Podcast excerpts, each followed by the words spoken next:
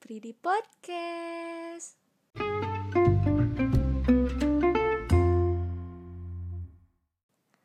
Kali ini, Kak Dinda akan membahas mengenai tempat tinggal hewan.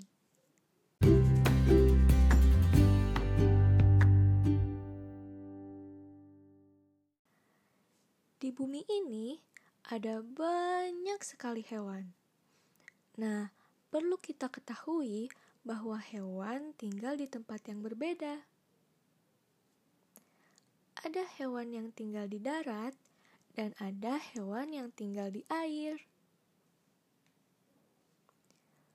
Hewan yang tinggal di darat seperti gajah, ayam, kelinci, kuda, kucing, dan unta. Hewan yang tinggal di air contohnya ikan. Selain hewan yang tinggal di darat dan hewan yang tinggal di air, ada pula hewan yang dapat tinggal di air dan di darat. Contohnya katak.